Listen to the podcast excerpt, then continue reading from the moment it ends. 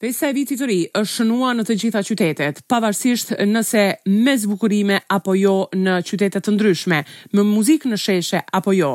Kjo festë është shënuar në çdo familje dhe në çdo qytet. Qetë dhe pa incidente serioze kanë kaluar kremtimet e natës së ndrrimit të motmoteve, me dëshirat më të mira që një vit i vështirë dhe i rëndë plot sfida, siç ishte ai dy mijë e njëzet e dy, të përfundojë dhe të fillojë një vit i ri dhe me prosperitet. Sipas ministrit të Brendshëm Oliver Spasovski, krahasuar me vitin e kaluar, ka patur ulje për tridhjetë për qind të rasteve të denoncuara. Më së shumti raste janë denoncuar nga Shkupi dhe Ohri, kurse më pak në Maqedoninë Lindore, respektivisht në Veles ku nuk ka patur asnjë denoncim. Megjithatë, sipas Oliver Spasovskit, Shteti funksionon. Për më tepër, ndjekim deklaratën e tij.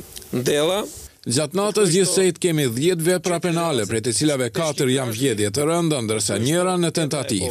Kemi dy vepra për dhunë dhe dy për tregti të jashtëligjshme me lëndë narkotike. Kemi të regjistruar pesëmbëdhjetë shkelje të Ligjit për Rendin dhe Sigurinë Publike, tetë shkelje të Ligjit për Sigurinë në Trafik dhe Rrugë, dhe gjashtëmbëdhjetë aksidente trafiku si dhe pesë raste të tjera të denoncuara. Është shënuar festa e Buzmit! Mijëra fëmijë në shumicën e qyteteve në Maqedoninë e Veriut i janë kthyer traditës, e ndërprerë nga pandemia dyvjeçare, kanë marrë pjesë në manifestimet e Krishtlindjeve, që sipas kalendarit të vjetër julian shënohet më shtatë janar, dy javë pas katolikëve dhe bashkësive të tjera të krishtera në botë. Në tempullin kryesor në Shkup, si dhe në kisha të tjera, u organizuan lutje për fat dhe shëndet në prag të natës kur festohet Lindja e Jezu Krishtit. Kryetari i Kuvendit të Maqedonisë së Veriut, Talat Xhaferi, ka dërguar urim me rastin e festës së krishterë, Buzmit. Xhaferi thotë se kjo festë është mundësi e mirë që të ndihen përqafimet e ngrohta dhe të krijohet atmosferë pozitive. Në këtë periudhë të vitit, kur pas festave të fundvitit kremtohet një nga festat qendrore të krishterimit, Krishtlindja, mundësohet që përsëri të gjithë qytetarët të kremtojnë, por edhe të gjithë që janë në afërsinë e tyre, bashkëqytetarët, fqinjët, miqtë dhe bashkëpunëtorët, të ndjejnë magjinë që e krijon atmosfera festive. Kjo është një mundësi të ndjehen përqafimet e ngrohta, të shihen buzëqeshje të gjëra, të dëgjohen mendime të bukura dhe fisnike të respektit të ndërsjelltë, mirëkuptimit, ndjesisë dhe solidaritetit. Dhe ato janë të domosdoshme, në këto kohra të sfidës për njerëzimin dhe botën në përgjithësi, ka thënë në urimin e tij, Talat Xhaferi. Ndërkaq, viti dy mijë e njëzet e tre fillon sërish me debate të ashpra.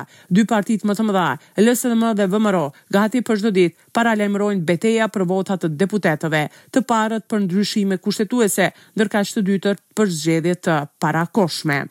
Viti dy mijë e njëzet e tre, për partitë politike në vend, vazhdon me debate. Nga partitë në pushtet thonë se nuk është koha dhe duhet përqendruar në rrugën europiane të vendit, kurse opozita insiston për zgjedhje posaçërisht VMRO DPMNE maqedone. Për hyrje në Bashkimin Europian, janë të domosdoshme reformat në interes të qytetarëve.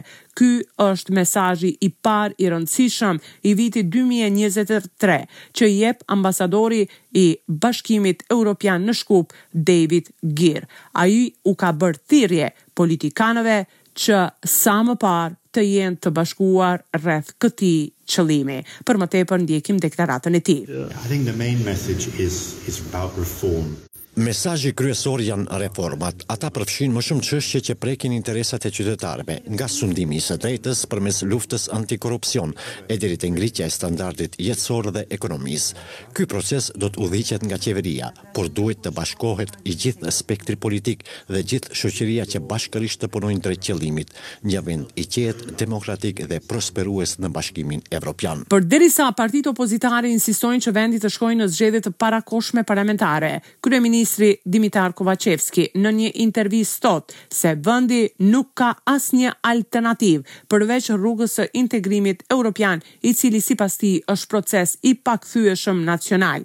Sipas tij të gjithë njëqind e njëzet deputetët në Kuvend kanë përgjegjësi morale dhe obligim atdhetar dhe qytetar që t'i realizojnë ato procese për një të ardhme më të mirë të gjeneratave të sotme dhe atyre të ardhshme.